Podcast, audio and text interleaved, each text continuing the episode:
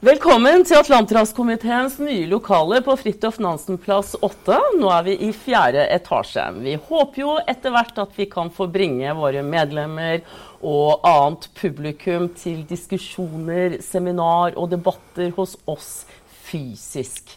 Men inntil videre må vi ta til takke med skjermbesøk og direktestrømming av noen gjester som vi skal ha inn i en type samtale. Transatlantisk dialog, en serie vi håper å lage litt av eh, denne eh, høsten.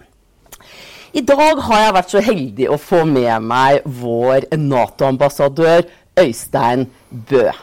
Han er hjemme om en liten tur, men holder ellers til i Brussel. Har du hatt en god sommer, Øystein? Ja, jeg har hatt det veldig bra. Jeg har fått nyte norsk natur for første gang siden nyttår. Så godt å være hjemme noen uker og gjøre andre ting sammen med familien. For du ble rett og slett støkt i Belgia når covid-19 rammet oss? Ja, det, da sluttet flyene å gå. og Da var vi der. Da var det karantene i Norge, så det var liksom ikke noe særlig å reise hjem etter da. Da ble vi i Belgia, tok vare på, på, på hverandre og sørget for at butikken gikk rundt. Ja, hvordan har Nato håndtert pandemien? Hvordan rammet den forsvarsalliansen? Det er jo liksom ikke enkelt å ha hjemmekontor i en eh, militærallianse, er det det? Nei, det er jo ikke det. Og, og Derfor så har jo Nato kanskje som den eneste, i hvert fall en av veldig få internasjonale organisasjoner, fortsatt å møttes fysisk. Med litt redusert aktivitet, men likevel. Vi har hatt minst et rådsmøte hver uke, og det har også vært komitémøter. Eh, Nato traff tiltak ganske tidlig. Sørget for eh, at helsa ble ivaretatt uh, osv. Du kommer f.eks. ikke inn i Nato nå uten å måtte gå forbi et termisk kamera og sjekke temperaturen. Har du over 38, så er det ut. Ok. Ja, og, og det er jo hele tiden klart at Nato ikke er first responder, den som liksom skal respondere først og fremst på en medisinsk krise som covid. Men vi har gjort vårt. Vi har bidratt med, Nato har bidratt med, militær, med militærtransport av, eh, av beskyttelsesmidler osv. Og, og vi har som sagt da gjort det som er aller viktigst. Vi har jobbet med å ivareta medlemmenes sikkerhet. Og den militære aktiviteten har i veldig liten grad vært rammet. Eh, styrkene, styrkekommandoene, SAKØR og de nasjonale kommandørene har vært veldig flinke til å skjerme styrkene sine, så de har nesten ikke hatt covid. Lite unntak for Afghanistan, hvor det har vært eh, en veldig vanskelig situasjon. Mm. Men, men eh, operasjonene har gått som de skal. Vi har avlyst og kansellert og nedskalert en del øvelser, men like fullt, Nato har opprettholdt sin forsvarsevne og sin avskrekkende evne, også gjennom denne perioden. Ja, jeg tenkte nemlig å spørre deg litt om dette med den operative evnen i en global pandemi. Har Nato har på en måte blitt stående i de operasjonene de er i, eh, og har håndtert det på en, en grei måte. Eh, kunne du minne oss litt om hvor er Nato nå høsten 2020? Ja, vi er jo fortsatt i Afghanistan. Der er det jo, som du vet, eh, en del bevegelse knyttet til fredsprosess, en del spørsmål om nedskalering, men vi er fortsatt i Afghanistan med, med, med et stort antall styrker.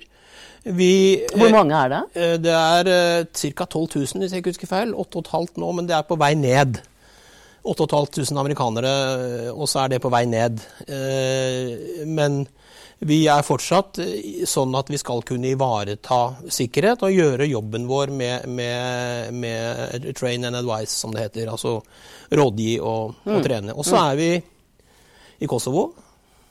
Og så er vi litt inn og ut av Irak. Eh, vi, vi, vi, noen trakk ut av Irak. Vi ble eh, med koalisjonen. Der er det et lite sånn skifte på gang. Nato skal overta noen av de oppgavene som den internasjonale koalisjonen mot terror, mot ISIL, mm. har. Og så ble det et regjeringsskifte i, Iran, så, i, i Irak, slik at det Der forhandles nå om hvordan vi skal komme tilbake. Mm. Der skal vi være. Og så har vi da aktiviteter knyttet til eh, det kollektive forsvaret, knyttet til Europa, bl.a. til fremskutte nærvær i Baltikum, tilsvarende i, i, i Romania, Bulgaria, Polen, mm. hvor vi da bl.a. har 125 soldater stående i, i Litauen. Ja, Kunne du ikke minnet oss litt om hvor eh, Norge deltar, hvilke internasjonale operasjoner? Vi har jo gått fra et 20, eh, nesten 20 år hvor vi har vært ute i internasjonale operasjoner, til et etter eh, russernes anneksjon av Krim i 2014, hvor man får en snuoperasjon tilbake til mer sånn kollektiv forsvar, eh, så en reduksjon av vår deltakelse i internasjonale operasjoner, eller er vi egentlig like mye ute som vi har vært? Det er jo blitt, Noen av operasjonene er blitt mindre. Ja. Og, vi har jo f.eks. I, i, eh, i Afghanistan så hadde vi jo større regionale sentra. Der er nå mer Kabul-sentrert. Man kaller det for Nav og Eker. slik at vi er borte fra ekene, men vi er i navet. Mm. Og vi har vært i navet i mange, mange år. Hatt kontinuitet på å trene det afghanske spesialpolitiet med våre spesialstyrker. Mm. Og der snakker de faktisk om å gjøre ting the Norwegian way. Der har vi jo ja vært i så mange år og gjort en så god jobb. Og våre folk kommer tilbake og ser, fremser hva som har skjedd, ser på ting Så de, vi har fått en kontinuitet som har, gjort, som har, gitt en unik posisjon for å kunne bidra, bidra konstruktivt til de afghanske spesialpolitiet, som også da har vært aktive i f.eks. angrepet på den spanske ambassaden osv. Så, mm. videre. så, mm. så, så der, der, gjør vi en god jobb. Og så snakket jeg om at vi er, vi er da 125 eh, soldater i Litauen på den såkalte fremskutte nærværet. Som, eh, eh, og der har vi sagt vi skal være til 2022. Eh, Hvem samarbeider vi med der? Det er Tyskland som leder, og så er det oss og nederlendere. franskmennene er der med noe, Belgia er der med noe. Det varierer lite grann. Mm.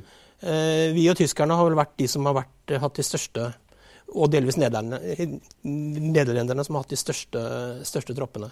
Og Betydningen av at dette er en eh, såkalt multinasjonal bataljon, eh, kunne du fortelle litt om det? Det er vel for at dette skal være en liten snubletråd. Så dette, gjør man noe med én, så har man involvert veldig mange av de allierte. Ja, dette ble jo til i kjølvannet av, av Russlands innmarsj i Ukraina og den illegitime okkupasjonen av, av Krim eller ikke innmarsjen i Ukraina, jo delvis, da, men, men også aktiviteten i Øst-Ukraina Øst etter mm. Wales, så, da, så, ønsket de baltiske landene, Polen og andre, å ha nærvær for å sikre seg eh, For å sikre at det var Nato til stede.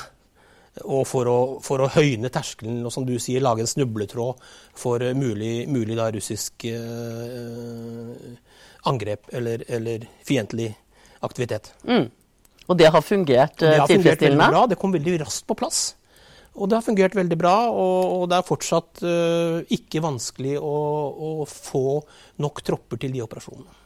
Og Bruker man litt sånn sikkerhetspolitiske begrep, så er det jo egentlig avskrekking ovenfor en fi ekstern fiende, altså Russland her i dette eh, området, og beroligelse overfor egne allierte. Litt annen benyttelse av begrepet beroligelse enn under den kalde krigen. Ja, Det er helt riktig. Det er sånn som vi også under Jeg er oppvokst litt i den kalde krigen og var offiser fra 1980 og utover. og, og, da snakket vi om at det hele tiden skulle være allierte boots on the ground, støvler på bakken. Og det er litt den tankegangen der. Mm.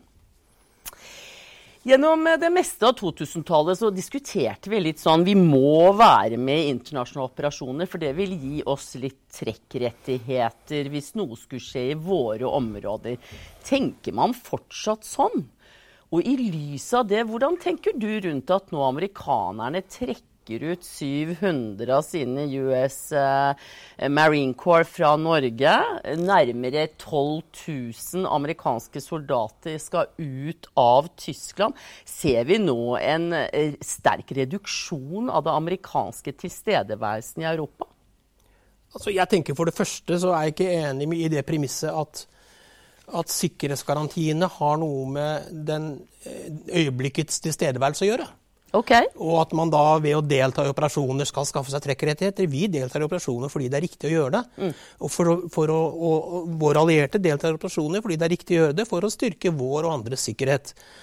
Og amerikanerne jeg vet ikke om du husker tilbake til 2014, var det vel, 2015, da, da de første amerikanske marines kom her, mm. på det, det, som da, det som er et rotasjonsbasert nærvær. Da var det jo skeptisk mot at det skulle bli veldig permanent. Nå mm. ser vi jo faktisk at det med rotasjonsbasert nærvær var jo akkurat det vi snakket om. Og, og, de kommer jo fra Romania, mange av de. Ja. Eh, de som nå går ut fra Tyskland, skal også til andre steder, Italia, Polen osv. Mm. Og så er det også sånn at USA har ganske store fasiliteter, bl.a. i Tyskland, Jeg har vel hørt, De har et stort militærhospital som da behandler mange av de soldatene som blir skadet i, i operasjoner i andre land. Mm. I, altså Afghanistan, Irak osv. Jeg, jeg har hørt at de, de, tallene jeg har sett, er at det vil koste opp mot en milliard eh, dollar å reetablere den typen hospital. Så det er klart at også amerikanere ser på hva har vi nytte av, hva bør vi beholde osv. Og, så videre, og ser på hvor er det viktigst for oss å være i øyeblikket. Mm. Men det å koble det med sikkerhetsgarantiene, det vil jeg være forsiktig med og ei heller hvor mye man betaler inn i en Tilsynelatende tror vel dagens amerikanske president at det er en Nato-kasse man betaler penger inn til. Han begrunnet jo uttrekket i Tyskland med at de betaler ikke, så sånn går det. Ja, Byrdefordelingsspørsmålet er en, også en, en, annen skål igjen. Og, og, og der vi, Jeg var inne på Wales, hvor vi da fikk denne beslutningen mm. om byrdefordeling. Men det var jo første gang John F. Kennedy, som sa til sitt National Security Council i 62, 62 ja, at uh, we cannot continue to pay for the, for, for the, European defense while they live off the fat of the land. Mm. Vi kan ikke fortsette å betale uh, for europeisk sikkerhet, så, men mens de da drar alle fordelene av å, å, å slippe å gjøre det. Så dette med byrdefordelene er ikke noe nytt. Ble satt på spissen igjen av, av Bob Gates i 2006, og, og Obama var der. og, og Eh, og, og også nå da Trump-administrasjonen. Og det er jo enighet i Nato om at vi må ha en bedre byrdefordeling. Mm. Men så er det selvfølgelig det er veldig krevende. Mm. Og det er krevende på ulik måte fra land til land. Eh, jeg tenker eh, Tyskland, eh, Storbritannia og Frankrike, de tre store landene i Europa, de bruker omtrent like mye på Forsvaret i rene penger. Det er noen millioner forskjell, men når man skal trekke det i prosent av bruttonasjonalprodukt, så ser ting litt annerledes ut. Fordi man rett og slett har ulike bruttonasjonalprodukt. Men en eller annen form for eh, kriterier må man jo sette. Ja. Hvordan ligger Norge an i denne eh, hva skal jeg si, konkurransen for tiden? Nei, akkurat nå så er det eh, og, du var inne på covid. Eh, akkurat nå så er det jo mange land som har helt andre prognoser på, på, på, på bruttonasjonalprodukt enn det man hadde for bare et halvt år siden. Ja. Så akkurat nå så er det plutselig blitt mange flere som har 2% Det sier jo litt om det kriteriet. Ja. Eh, men det er det kriteriet vi har, som du sier. Så akkurat nå så ligger vel vi på rundt 2 ja. Mm. Men så overoppfyller vi på et annet kriterium Nato har når det gjelder eh, materiellanskaffelser og, og, og, og ny, nyanskaffelser. Ja, Vi skal jo bruke da 20 av, eh, av forsvarsbudsjettet til eh, investeringer, og der overoppfyller vi, og vi vil øke til tror jeg, over 30 når mm. vi kommer i gang med å betale for ubåter og, og nye mm. overvåkningsfly osv. Mye nitty-gritty her når det gjelder penger og pengebruk. Eh, vil komme litt Eh, mer tilbake til det amerikanske lederskapet i Nato. Gitt at vi går inn i en høst hvor det er eh, amerikanske valgkamp, eh, presidentvalgkamp osv. Nato er på mange måter designet og tuftet på en sterk amerikansk lederskap. Eh, og alliansen er 71 år gammel. Når fienden den ble opprettet for å eh, forsvare oss mot forsvant, Sovjetunionen Det husker jo jeg veldig godt. I 91 så var det mange som sa at nå har Nato utspilt sin rolle. Så kommer dagens eh, amerikanske president, som mente for et par år siden at Nato var obsolet, altså foreldet. Og får da følge av Emmanuel Macron rett før jul eh, i fjor, som sier at Nato er hjernedødt. Dette har ført til at man besluttet å igangsette en såkalt refleksjonsprosess, hvor man skulle tilbake til mer hva er militæralliansens politiske innhold eh, og, og, og, form, på en måte? Kunne du sagt litt om hvor den står nå? Den refleksjonsprosessen? Ja. Nei, for det første så, jeg, jeg, har ikke tall på det antall ganger jeg har hørt at Nato må gjøre seg relevant. eh, litt ut fra situasjonen eh, og litt ut fra eh, hva man ser. Og du har helt rett i det. Eh, den, den, største paradigmeskiftet var kanskje da, muren da muren falt og jernteppet falt. Uh, så har vi jo da sett endringer der. Jeg tilhører jo blant de som har vært på Nato tidligere, og som har, jobbet med russerne og tenkt at uh, dette skal vi få til. Og øh, det kom varselskudd både i 2007, flere, i 2008 invasjon i Georgia, så, mm. men vi fortsatte å prøve, og så i 2014 så vi at dette går ikke. Mm. Får man var... den eksterne på en måte litt sånn fienden tilbake. Men den, de Også, interne utfordringene Ja, og så, og så, så jeg som sagt, jeg var, jeg, Da jeg var på Nato fra 6 til 10 mm. som nestleder på Nato-delegasjonen, mm. og så kom jeg tilbake i 2018 og så da at det var blitt en stor forskjell på balansen mellom den militære forsvarsrettede aktiviteten og det som vi kan kalle for den politiske diskursen. Mm den, var blitt liksom, den siste var blitt litt borte, og for, for, alle de riktige grunnene. For det var jo da et behov for å se på det maritime domenet. Det var et behov for å styrke det kollektive forsvaret. Det var et behov for å se på forsyningslinjene over Atlanteren. Mm. Og alt dette ble satt i gang mm. i 2014, noe som da Eh, by default, som det heter på Stavanger, altså kom til å bli ja. en sånn serie på tre toppmøter. Hvor man satte i gang dette arbeidet i 2014, og så fikk man konkrete oppdrag i Warszawa i 2016. Og så masse gode vedtak på styrking av uh, det maritime domenet, mm. ny, ny, kommando i Norfolk som skal ja, mm. osv. Uh, men så underveis det jeg, det jeg, merket meg da jeg kom tilbake i 2018, var at liksom, hvor er det blitt av den politiske diskusjonen? Mm. Hvor er diskusjonen om Russland? Hvor er diskusjonen om nedrustning, om mm. rustningskontroll? Hvor er liksom, det politiske mm. spenningsfeltet? For det er en balanse der. Og mm. jeg, mener, liksom, jeg er av de som mener at det ene funker ikke helt uten det andre. Nei. Du er nødt til å ha både det sterke militære, men også en god politisk diskurs. Og så behøver vi ikke alltid være enige, men vi må mm. snakke om disse tingene. Ja. Og det er jo litt av bakgrunnen for for, for, det som kom i London, denne såkalte refleksjonsprosessen, som nå er blitt omdøpt til Nato 2030. Ja.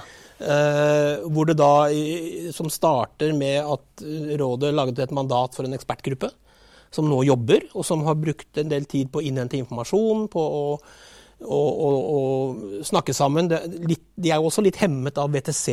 Altså videokonferanse, videokonferanseperioden nå under, under covid-19. Hvem sitter i denne refleksjonsgruppen? Den ledes av en tidligere tysk forsvarsminister som heter de Massier. Og så er det Thomas. Sammen, Thomas de Massier, og sammen med en, en, amerikansk politiker som heter West Mitchell. De er liksom co-chairs. Ja. Og så sitter det totalt tolv stykker fra ulike, ulike Nato-land, bl.a. den tidligere franske ministeren Hubert Vedrin, som ja. representerer Frankrike. Og, og hun eh, Anna Dalsgaard Nei, eh, ikke Anna, men eh, Anja Dalsgaard, mm. som da ledet, som er dansk representant, som ledet mm. denne moské. Uh, utvalget, Moskéskytingsutvalget her i Norge. I Bergen, ja. uh, og, og en, del, en, del andre, en, del, andre, fra liksom, liksom geografisk spredt. Ja. Uh, de, de, har nå jobbet med å innhente informasjon, og de begynner nå å konsultere. Planen var jo at de skulle reise rundt ja. til hovedstedene og, og, og, og, snakke med oss, men det ser nå ut til å bli videokonferanse. Og så skal de levere en rapport til Stoltenberg, altså til generalsekretæren, i eh, november. Ja. Og så skal han orientere utenriksministrene i, i, desember om dette. Og så ja. vil han så Dette er jo en prosess som uh, generalsekretæren og rådet eier. Det er ja. under, under uh, generalsekretærens overoppsyn at denne prosessen foregår. Ja. Så hovedårsak, hoved det man ønsker seg, er jo å se på hvordan kan vi gjøre Natos politiske dimensjon sterkere. Mm. Hvordan kan vi bli flinkere til å snakke med hverandre? Hvordan kan, vi, hvordan kan vi, håndtere eh, uoverensstemmelser også internt? Vi ser nå det østlige Middelhavet mm. f.eks. igjen, hvor ting er litt mer uryddige enn det har vært de siste årene. Ja, og det er jo ingen hemmelighet at i en allianse med 30 ulike stater, med ulik geografi, ulik eh, våpenkapasitet selv, for å si det sånn. Eh, og ulike oppfatninger Vil ha ulike oppfatninger eh, av trusselbildet. Derav blir det vel også veldig viktig å konfer konferere eh, politisk. og se hvordan Altså alt er ikke bare militært. Man er jo farget av både sin historie og geografi. Nei, og det, det har du veldig rett i. og, og, og som du sier, 30 medlemsland, alle med hvert sitt geopolitiske ståsted. Ikke sant. Er, nei, alle kan ikke være enige om alt.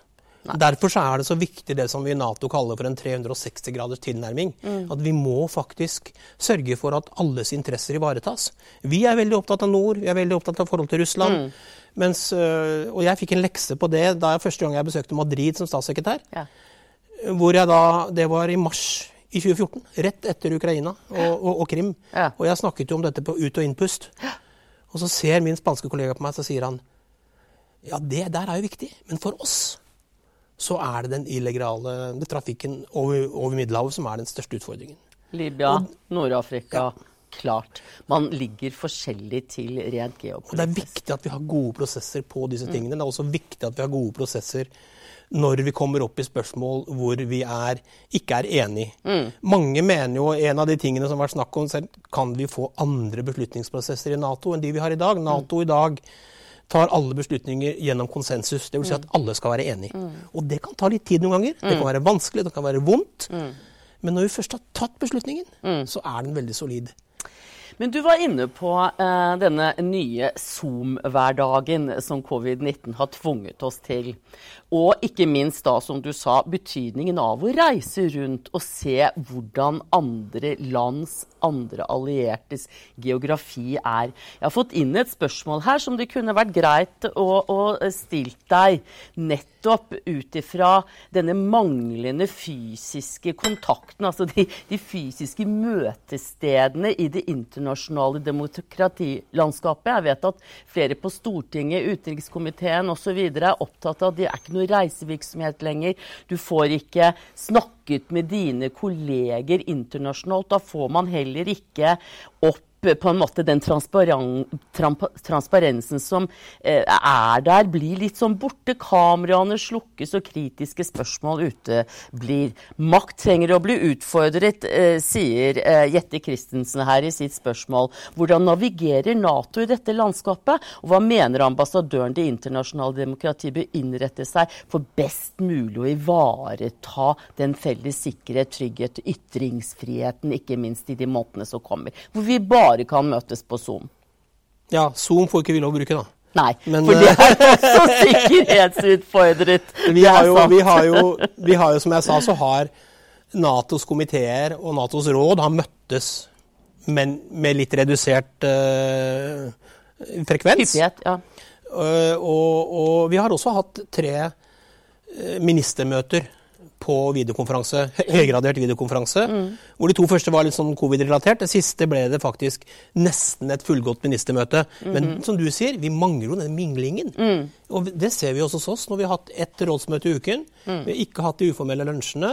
Vi har ikke kunnet gå og spise middag med hverandre eller sette oss ned. Restauranten er stengt. ikke sant? Altså, eh, det, er, det er et veldig godt spørsmål, det, det Jette har der. fordi at det er jo liksom vi er også avhengig av denne menneskelige kontakten. Og så ser jeg jo at våre politikere, jeg ser f.eks. utenriksministeren, er jo utrolig på når det gjelder den eh, digitale flaten. Så vi må, jo, vi må jo på en måte forholde oss til den hverdagen og den virkeligheten vi står overfor, og gjøre det beste ut av det. Eh, Men også er det så klart at det er ikke bare covid-19 og den digitale hverdagen som gjør at det internasjonale eh, systemet er under press. Nei. Det er jo økt eh, fokus på nasjonalstaten, mindre vilje til å, til å samarbeide osv. Mm. Og hvor, hvor Norge, mener jeg, gjør en god jobb for å være pådriver for å opprettholde det internasjonale mm. systemet. Annet eh, gjennom da å, å melde seg og bli nå medlem av Sikkerhetsrådet. Ja. Eh, Vil eh, Nato-ambassadøren ha innspill til de som skal drifte vårt eh, sikkerhetsrådmedlemskap, eller er, hvor mye samarbeider dere, snakker dere sammen om ting er- som skal tas opp? Ja, det er god nær kontakt mellom oss, og så vil det være avhengig av hvilke saker som, som til enhver tid behandles. Og det vil sikkert også være behov for innspill fra, fra Nato-delegasjonen når, når, når, er når det er aktuelt, når ut fra hva som behandles. Ja. Gitt at du nevner eh, vår plass i Sikkerhetsrådet, så er mitt neste spørsmål var egentlig å vri over til Kina. Og noen mener jo at vi kan komme i en litt skvis i Sikkerhetsrådet også mellom vår eh, foretrukne og fremste allierte USA og eh, Kina, som utfordrer og ønsker en større rolle eh, globalt. Et sterkere Kina, et økonomisk mye sterkere Kina, men også et Kina som bygger opp militært, og som aspirerer etter regional, om ikke herredømme, så en mye sterkere rolle i Sørøst-Asia. Ligger vi an til en ny kald krig? Det er jo eh, blitt et dårligere forhold mellom USA og Kina. Hvordan påvirker dette Nato-alliansen? Det var vel kanskje første gang det var skrevet inn i en slutterklæring under London-møtet i fjor at Kina er en utfordring som man må følge med på. Hva er dine refleksjoner rundt Kina? Nei, Det er klart at Kina er jo der, og Kina øh, Hvis vi ser på hva Kina gjør, så gjør Kina det de har sagt de skal gjøre. Ok. Eh, hvis man hadde hørt etter, så, så, ser man at Kina vil ekspandere, de vil bygge forsvar. De, de, gjør litt det de har sagt de skal gjøre. Og så ser jeg også at de, de, er, de pusher eh, internasjonale kjøreregler litt i sin egen eh, fordel. De er uh, ufine med noen av sine naboer, men Kina diskuteres hos oss som ikke en trussel, men som en utfordring. Og vi ser EU har den samme diskusjonen. De har kalt det systemisk eh, utfordring eller Rival. Ja, uh, rival, ja. Og, så, så, alle har et fokus på Kina. Og vi ser jo det nå også under, under, uh, under arbeidet med, med, å ha smittevernutstyr til, i forbindelse med covid osv. At, at det er en del ting som vi har gjort som kanskje vi må se på nytt på når det gjelder å sette bort produksjon osv. Mm. Eh, for Nato så er det jo også en teknologispørsmål. Det er et paradoks, syns jeg, at uh, ingen allierte har utviklet 5G-teknologi. Mm. Det har skjedd i Finland og Sverige og Kina og, og Sør-Korea. Mm. Så kommer det kanskje nå etter. Men, men det er jo veldig, veldig mye av utfordringen knyttet til Kina jo, går jo på at Kina har ambisjoner. Og så er problemet at de ambisjonene ikke alltid er knytta til det som vi, og veldig sjelden er knytta til det som vi oppfatter som demokratiske og gode måter å gjøre ting på. Vi så nå sikkerhetsloven i Hongkong f.eks. Mm. Så dette, dette, diskuterer vi. og, og vi, vi har diskutert det uformelt en stund, et par år. Mm. Uh, som du sa, London første gang det ble mm. nevnt nå. Men, men det, vi, vi, når, når generalsekretæren sier at Nato må ha en global tilnærming, så betyr ikke det at vi skal være til stede eller jobbe med alle, eller noe sånt, men vi må følge med på det som skjer. og Det samme er det når det gjelder Kina. Der har vi snakket om at vi skal sikre vår egne samfunns motstandsdyktighet. Vi skal følge med på hva Kina driver med. Vi skal jobbe med andre. Mm. Bekymrer det at Kina kjøper opp eh, havner i Europa, investerer eh, i infrastruktur i våre egne nærområder? De eier eh, Det er 20 år siden amerikanerne trakk seg ut av Panama, men nå eier altså Kina både innfarten og utfarten av Panamakanalen. Ja. Eh, og i Europa, Pireus havn osv. Er dette noe som bekymrer? Det, er, det er i hvert fall noe som gir grunn til ettertanke. Det er en litt annen måte Men det, du ser jo også det samme, Du ser jo også det samme uten at det er direkte føringer på Nato. Eh, jeg har hatt samtaler med kolleger fra afrikanske land mm. når det gjelder kinesiske investeringer. Og, sier, liksom, og, og, de er jo klar over at dette kan bli problematisk, men de sier men vi trenger den jernbanen nå. Mm. Og det var kineserne som kunne hjelpe oss. Mm. Så det er jo også kanskje litt som litt uh, Også litt grunn til ettertanke hvordan vi mm. altså, man kan Det er mange måter å nærme seg ting på. Eh, men kineserne er jo der. Og så er det noen som tenker at da får vi heller ta den, den uh, sure svien etterpå. Mm.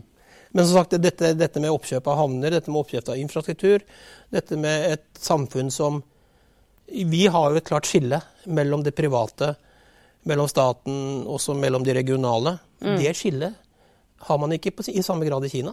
Der, der, tar man som gitt at alt henger sammen med alt. Som også gjør at det blir litt vanskeligere å, uh, å forholde seg til det. Så kan man jo si det at uh, ikke-innblanding uh, er jo nedfelt i FN-traktaten. Så det er vanskelig å blande seg inn i interne forhold. Man kan ta opp demokratispørsmål, selvsagt, men uh, kan være vanskelig. Men hva preger egentlig den militære utviklingen i Kina? Ja, Nå er ikke jeg noen Kina-ekspert på det militære, men Nei. vi ser jo et ambisiøst uh, militært program. Ja. Uh, vi ser en voldsom, du nevnte teknologien, ikke ja, minst. Vi, vi, ser en voldsom økning i forsvarsbudsjettene. Mm. Mm. Jeg tror vel at det jeg har hørt, det jeg har lest, er at Kina øker sitt forsvarsbudsjett årlig med mm. et beløp tilsvarende Storbritannias forsvarsbudsjett. Og, og da i 2025 vil passere USA når det gjelder hvor mye penger de bruker på forskning og utvikling på forsvarssiden. Og det er 55 milliarder det er ganske US mye penger. dollar. Ja. Mye penger. Mye penger. Så, ja. De er også en uh, atomvåpenmakt. Um, noe av spørsmålene rundt rustningskontroll uh, Du nevnte det jo tidligere, vi kunne komme litt tilbake til det nå. Uh, INF-avtalen som nå på en måte er Skal man bruke Trumps ord obsolet, foreldet. noe av diskusjonen rundt det dreide seg jo også om at Kina ikke var med i denne avtalen. Eh, men også at eh, Russland ikke overholdt den. Hvordan kan man tenke fremover diskusjoner med startavtalen, men også andre rustningsavtaler, hvor man får inkludert Kina? Ja, og hvor står egentlig debattene rundt uh, rustningskontroll for tiden? Dette er jo et utrolig vanskelig spørsmål. Mm. alt som med rust, har med rustningskontroll å gjøre nå, er vanskelig. Også fordi at jeg tror det er en oppfatning i enkelte hovedsteder Eh, f.eks. i Moskva, om at eh, de er kommet på enkelte områder, missiler osv., lenger enn man har, i, man har, gjort i Vesten. Mm. Eh, det tidligere vestlige teknologiforspranget er ikke like klart i dag som det har vært. Og Derfor så er insentivene til å, å, å bevege seg inn i dette på en seriøs måte ikke like store hos alle. Jeg mener at vi må jeg synes det er bra at USA og Russland nå snakker sammen om, om kjernefysiske strategiske våpen. Så får vi se hvor langt det bærer. Men så mener jeg også at vi må alle bidra til å ansvarliggjøre Kina og fortelle Kina hvis dere ønsker å fremstå som en seriøs aktør, mm. så må dere faktisk også delta i dette arbeidet. Mm. Og så vil Kina si at ja, men Russland og USA har mye mer enn oss, men det er altså ikke et argument mot dette. Argumentet må være at hvis Kina ønsker å bli sett på som en seriøs aktør, så må de også da delta i dette arbeidet. Mm. Noen mener eh, argumenterer argumentere for at eh, Kinas komme og eh, globale ambisjoner, og regionale for så vidt, det at man har fått en ny stormakt, eh, og makten forskyves mot Sørøst-Asia, eh, vil føre til at USA eh, ikke klarer å opprettholde den tilstedeværelsen de har i europeisk sikkerhet, fordi de må eh, konsentrere seg om Sørøst-Asia, eh, Sør-Kina-havet. Dette startet jo egentlig allerede med Obama, med vi husker Pivot to Asia. Men at dette vil avstedkomme at Europa i mye sterkere grad må stå opp for egen sikkerhet. Både i forhold til Russland avskrekkingen overfor Russland, men også håndtere eh, Nord-Afrika og Midtøsten mer på egen eh, kjøl. Eh, ser man et Europa som er, har, har, har på en måte skjønt at her må man bygge ut egen forsvarsevne og kapabiliteter på en bedre måte?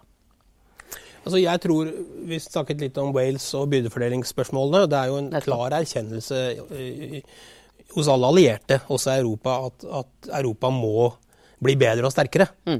Men så må vi ikke glemme det at om vi snakker om og Når mange snakker om Europa, så snakker de om EU. Ja. Ikke sant? Og vi, vi, selv om man da skal gjøre noe i rammen av EU, eller rammen av FN eller rammen av Nato, så er det ikke noe, liksom, det, det er ikke noe det er ikke noen soldater og, og, og, og forsvarselementer i en brakke i Brussel som skal kalles på når det er, eh, Nei. hvis noe skal gjøres i den EU-rammen. Det er de samme soldatene, de samme ressursene vi skal trekke på Nettopp. hos alle.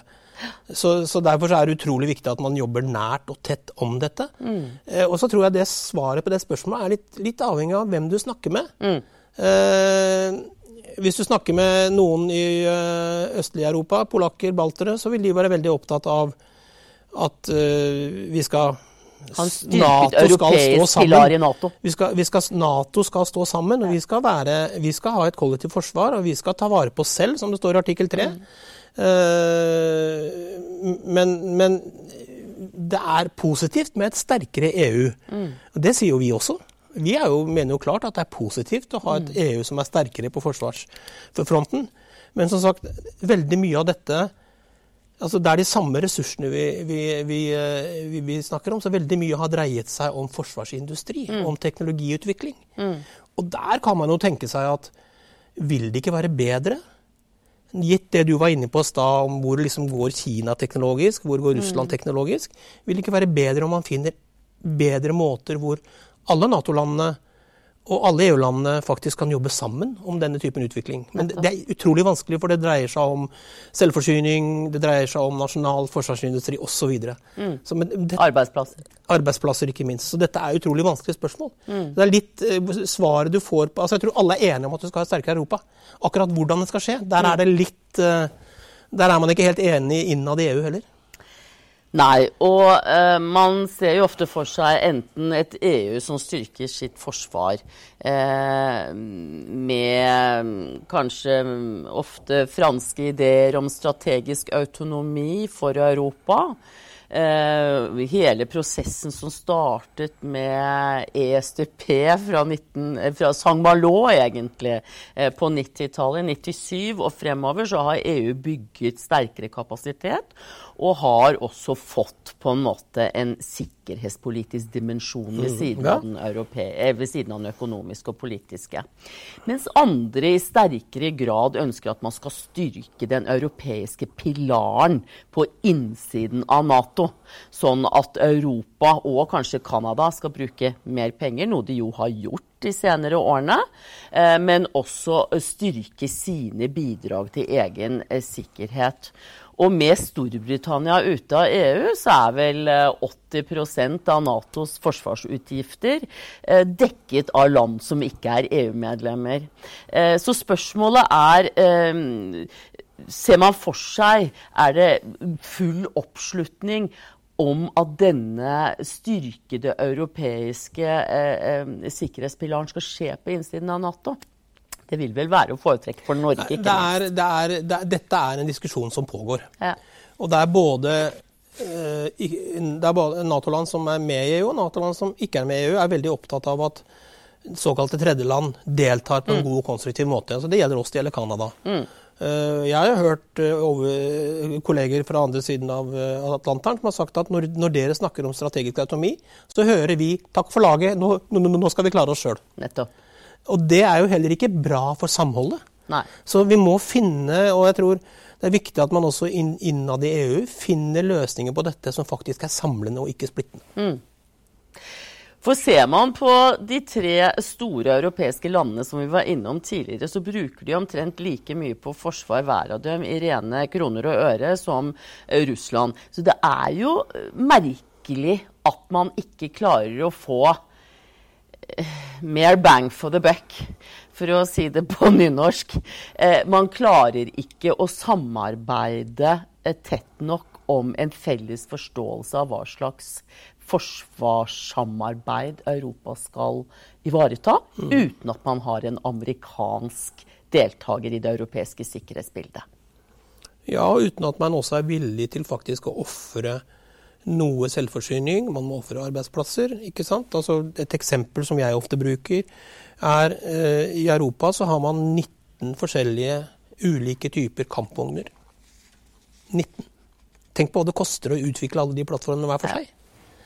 Og inntil at man kommer dit hvor man faktisk ser ting mer i sammenheng, så tror jeg det blir vanskelig å få dette effektivt, rett og mm. slett liten spire med den såkalte PESCO-prosessen, som består egentlig av industrielle prosjekter, men ganske små og ja, ja. Det er ikke, på, er ikke et nytt europeisk fly.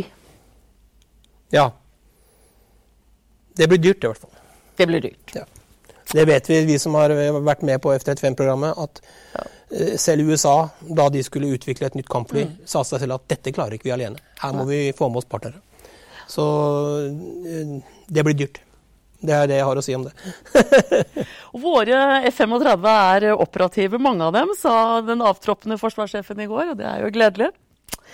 Eh, vi må snakke litt om Russland. Russland er på en måte dimensjonerende for norsk forsvarsplanlegging. Og det er jo også i stor grad eh, viktig for eh, Nato. Du var inne på det tidligere at uh, forrige gang du var i Nato, uh, så snakket man jo i mye sterkere grad om samarbeid uh, med Russland. Det var jo til og med forskere som foreslo at Nato kunne ta opp Russland som medlem.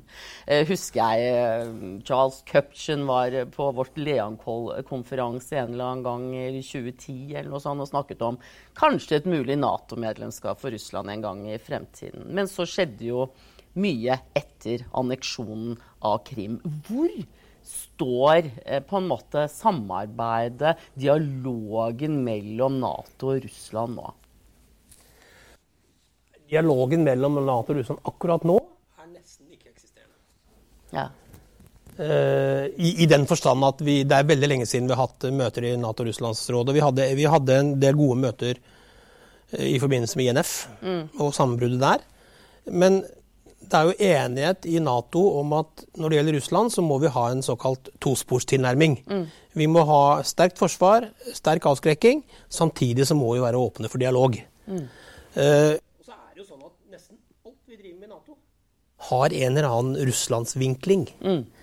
Altså Det gjelder rene forsvarssaker, det gjelder cyber, det gjelder desinformasjon, som nå er blitt veldig viktig under covid. Mm. Det gjelder hybridkrigføring, det gjelder forholdet til partnere osv.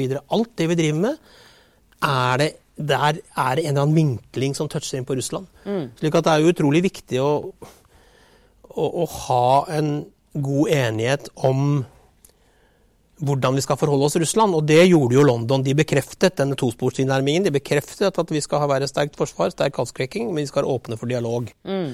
Uh, og dette er også viktig for Norge, for vi er jo naboland. Og mm. vi er faktisk den eneste allierte som, har, eneste allierte som i mer enn 70 år har vært nabo med, med enten Sovjetunionen eller Russland. Uh, Nettopp. Så det er greit å ta med seg. Mm. Uh, og, og vi er nok blant de som ses litt til fordi at vi har klart å beholde, bevare roen, for å si det sånn, når det gjelder Russland. Mm. Så, så, men vi, vi, eh, vi, må fortsatt prøve å ha et forhold til Russland. Men, men, og vi har jo også økt litt grann den politiske aktiviteten igjen. Det, mm. Så gjør Russland rare ting underveis. Uh, Libya, Syria Ja, som, gjør at det heller ikke er enkelt å forholde seg til dem. Men som sagt, vi, vi må jobbe med Altså, Russland er der. Mm. Og den er som du sier, dimensjonerende for oss. Dimensjonerende for veldig mye av det Nato gjør. Så vi må jo jobbe med å få et eller annet forhold til dem. Mm. Men uh, It takes two to tango. It takes two to tango.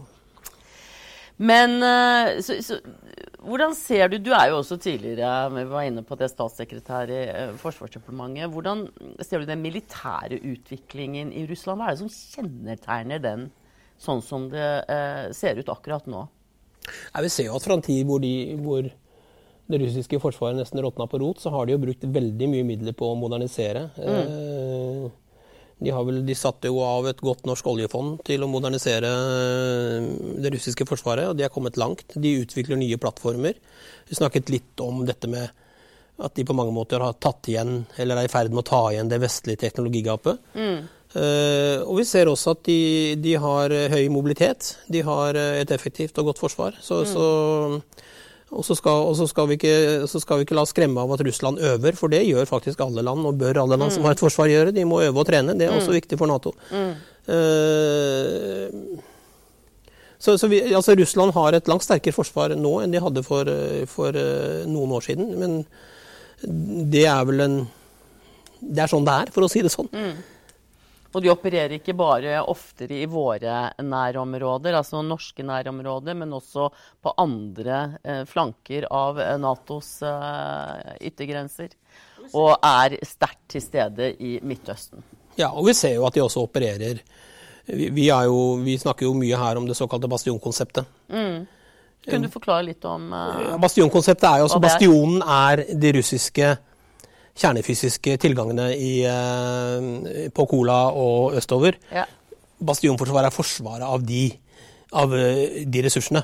Mm. Og, og, det betyr at man da deployerer eh, som er et ord jeg ikke liker, men utplasserer, utplasserer eller, eller, da fartøy og gjerne ubåter, strategiske ubåter, i, i, i, i Norskehavet frem til det vi kaller for, kaller for Grønland, Island, Storbritannia, Giuk-gapet. Ja. Og dette er egentlig ting vi snakket om under den kalde krigen Dette også. snakket under den kalde krigen. Dette snakket der. uh, denne ekspertgruppen uh, som da var forut for den forrige langtidsplanen, mye om. Som er ikke, det, som du sa til, dette er ikke noe nytt. Uh, men, men, men dette er jo ting som vi må ta hensyn til. Og vi må følge med. Mm. Uh, og det er en av grunnene til at vi f.eks. har investert i, i nye maritime patruljefly, som nå Mm. forhåpentligvis begynner å komme inn snart. Ja. Ja. Og vi skal ha nye ubåter også. Og så skal vi ha nye ubåter. Litt få. Men sånn er det med forsvarsmateriell. Kjempedyrt og eh, vanskelig å få eh, alt det man ønsker.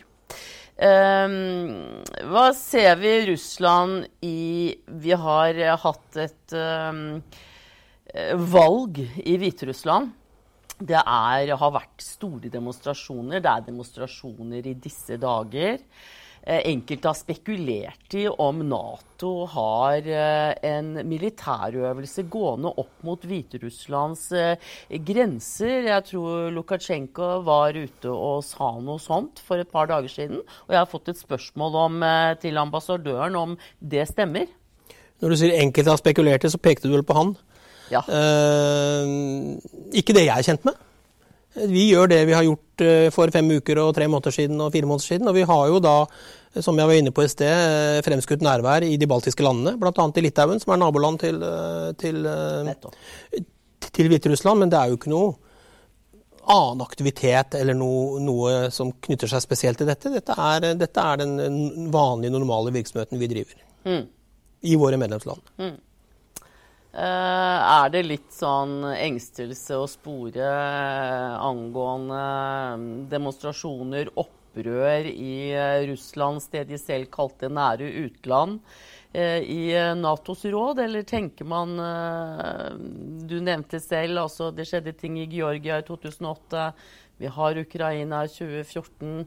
Hvor lenge sitter Moskva rolig og ser på at ting skjer i nabolandet? Eller har de noe i det hele tatt å tjene på en militær aksjon i forhold til andre naboland? Det er jo mange spekulasjoner og mange oppfatninger om det. Eh, Men det er klart at det som nå skjer i Hviterussland, hvor, hvor det synes å ha vært klare demokratibrudd, klare brudd på hvordan eh, velgerne er blitt hørt, er jo ikke bra.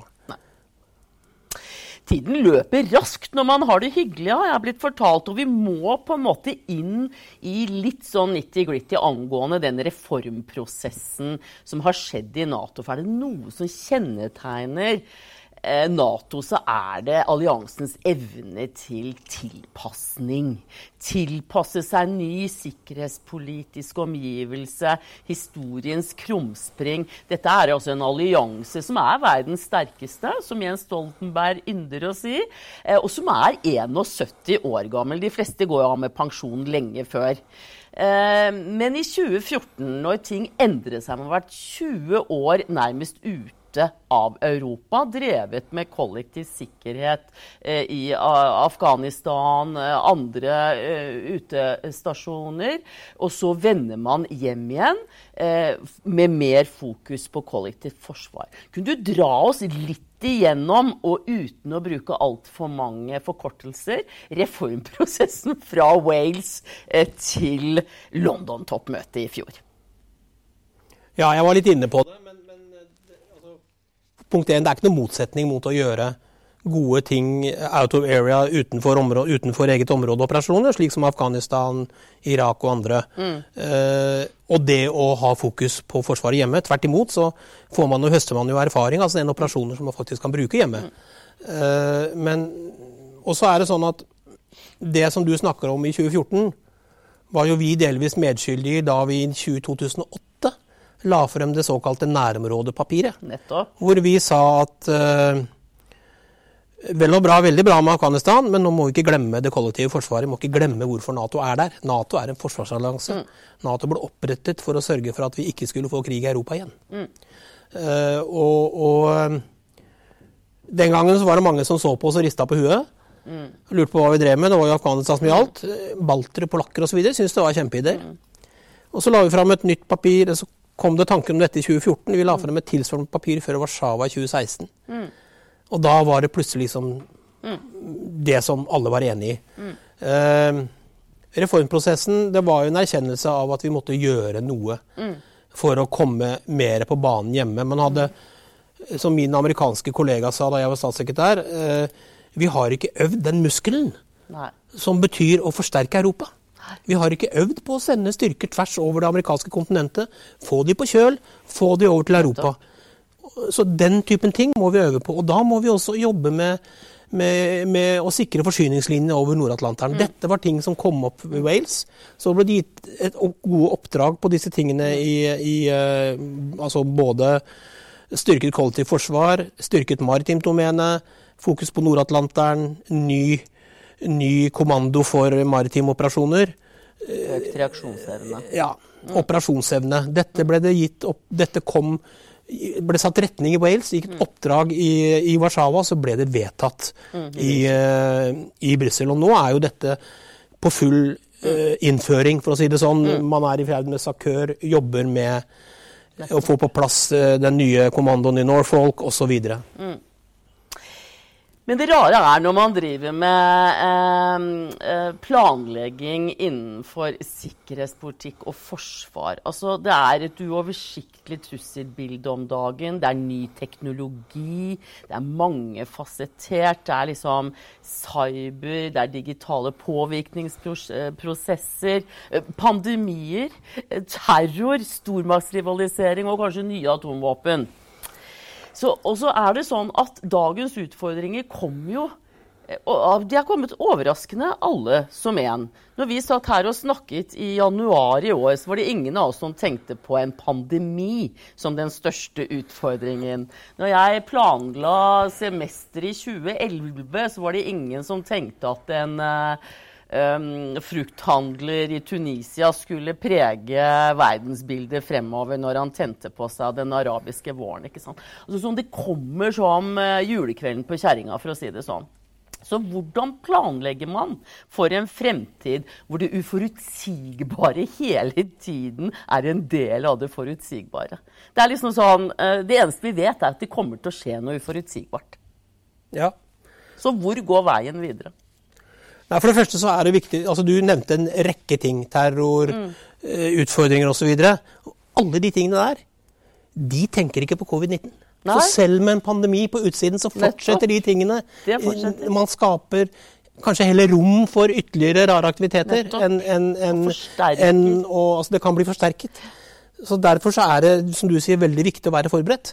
Samfunnets motstandsdyktighet er en del av det som det er blitt økt fokus på nå i, mm. i Nato. Mm. Uh, og det er mener jeg et felt som, som, vi må være veldig godt forberedt på. Uh, Norge har en tradisjon for totalforsvar, opprettet i London under krigen. Mm. Og, og, vi hadde det gamle totalforsvaret hvor, hvor hele samfunnet var med. Mm.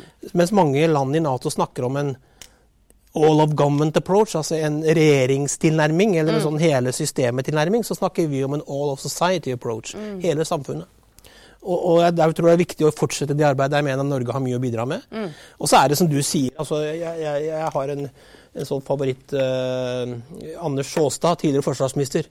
Hans, hans hovedoppgave om, i, i statsvitenskap mm. var om at uh, tilfeldighetenes uh, betydning i internasjonal politikk er betydelig undervurdert. Ja. og det er jo akkurat det du er inne på. Så jeg tror at det vi må sørge for, er at mm. våre militære styrker, våre politiske systemer, er så godt sammenskrudd mm. og så godt forberedt mm. at vi ikke skal fokusere på en bestemt situasjon. Mm. Man har en tendens til å kjempe den forrige krigen eller det forrige slaget, Nettopp. men at vi skal være så godt forberedt at vi kan håndtere det som dukker opp. Ja. Og der kommer vi til mine siste poenger. Du sitter i Det nordatlantiske råd. Du er eh, vår faste representant der. Eh, og det er jo det er en av på en måte kjennetegnene ved Nato. Kanskje en av deres fremste fortrinn, eller alliansens fremste fortrinn. At det ikke bare er kuler og krutt, kanoner og, og fartøyer. Men det er altså denne politiske forsamlingen hvor de sitter ambassadører fra 30 land, 30 allierte, som møtes eh, ukentlig, og som snakker snakker åpent om de utfordringer og, og trusler eh, de ser.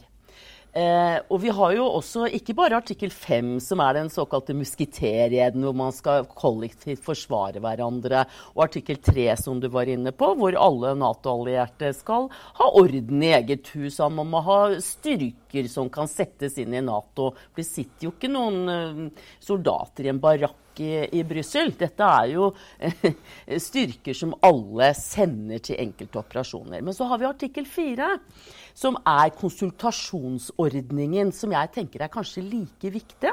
Hvor er det noen som føler seg truet, sånn som Tyrkia har brukt den, Polen har brukt den, det vet vi alle. Eh, hvor man føler seg truet, så går man til Nato og så ser man det, eh, støtter dere oss?